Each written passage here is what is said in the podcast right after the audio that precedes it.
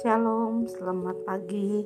Hari ini kita membaca bersama-sama Mazmur pasal 55. Sebelum Israel uh, dan kita bersama-sama merenungkan, kita baca dulu ya ayat firman Tuhannya.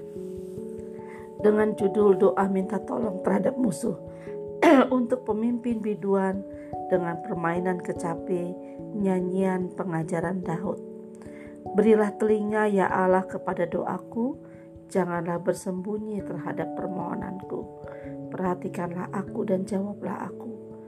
Aku mengembara dan menangis karena cemas, karena teriakan musuh, karena aniaya orang fasik. Sebab mereka menimpakan kemalangan kepadaku, dan dengan geramnya mereka memusuhi aku. Hatiku gelisah, kengerian maut telah menimpa aku Aku dirundung takut dan gentar, perasaan seram meliputi aku. Pikirku, sekiranya aku diberi sayap seperti merpati, aku akan terbang dan mencari tempat yang tenang. Bahkan aku akan lari jauh-jauh dan bermalam di padang gurun. aku akan segera mencari tempat perlindungan terhadap angin ribut dan badai. Bingungkanlah mereka Kacaukanlah percakapan mereka ya Tuhan, sebab aku melihat kekerasan dan perbantahan dalam kota. Siang malam mereka mengelilingi kota itu di atas tembok-temboknya, dan di dalamnya ada kemalangan dan bencana. Penghancuran ada di tengah-tengahnya, di tanah lapangnya tidak habis-habisnya ada penindasan dan tipu. Kalau musuhku yang mencela aku, aku masih dapat menanggungnya kalau pembenciku yang membesarkan diri terhadap aku, aku masih dapat menyembunyikan diri terhadap dia. Tetapi engkau, orang yang dekat dengan aku, temanku dan orang kepercayaanku, kami sama-sama bergaul dengan baik dan masuk rumah Allah di tengah-tengah keramaian. Biarlah maut menyergap mereka, biarlah mereka turun hidup-hidup ke dalam dunia orang mati, sebab kejahatan ada di, ada di kediaman mereka ya dalam batin mereka. Tetapi aku berseru kepada Allah dan Tuhan akan menyelamatkan aku. Di waktu petang, pagi, dan tengah hari, aku cemas dan menangis, dan ia mendengar suaraku. Ia, ia membebaskan aku dengan aman dari serangan terhadap aku, sebab berduyun-duyun mereka melawan aku. Allah akan mendengar dan merendahkan mereka dia yang bersemayam sejak purbakala. Karena mereka tidak berubah dan mereka tidak takut akan Allah. Orang itu mengacungkan tangannya kepada mereka yang hidup damai dengan dia. Janjinya dilanggarnya, mulutnya lebih licin dari mentega, tetapi ia berniat menyerang. Perkataannya lebih lembut dari minyak, tetapi semuanya adalah pedang terhunus. Serahkanlah kuatirmu kepada Tuhan, maka ia akan memelihara engkau tidak untuk selama-lamanya dibiarkannya orang benar itu goyah.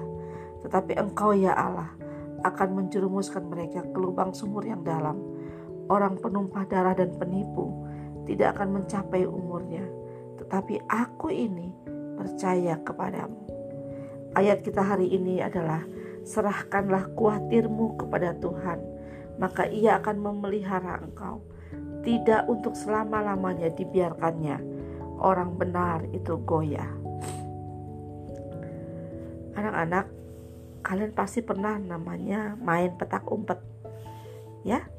Nah, paling kesal adalah kalau kita main petak umpet. Saat petak umpet, lalu ada orang yang membocorkan ngasih tahu, "Eh, dia di sana, dia di sini." gitu. Nah, itu kalau main petak umpet. Tetapi yang dialami Daud adalah dia dikejar-kejar oleh Raja Saul, mau dibunuh.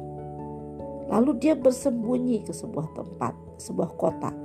Eh tiba-tiba orang ada orang di kota itu yang ngasih tahu Saul di mana Daud berada. Tentu saja Daud ketakutan. Saul datang dengan pasukannya mau membunuh Daud, mengepungnya. Daud punya Daud sekarang sudah diketahui di mana dia bersembunyi. Kalau kita main petak umpet kan untuk main, tetapi Daud itu untuk menyelamatkan diri. Dan dia benar-benar ketakutan. Dia benar-benar ketakutan. Dia mengalami perasaan sedih, kecewa, marah, dikejar-kejar, dihianati. Aduh, perasaan yang sangat tidak enak. Dia khawatir, dia berseru kepada Tuhan. Dia berdoa, dia minta tolong kepada Tuhan. Tapi di sisi lain dia juga begitu takut dan khawatir. Dan apa yang Daud putuskan hari ini kita dengar bersama-sama.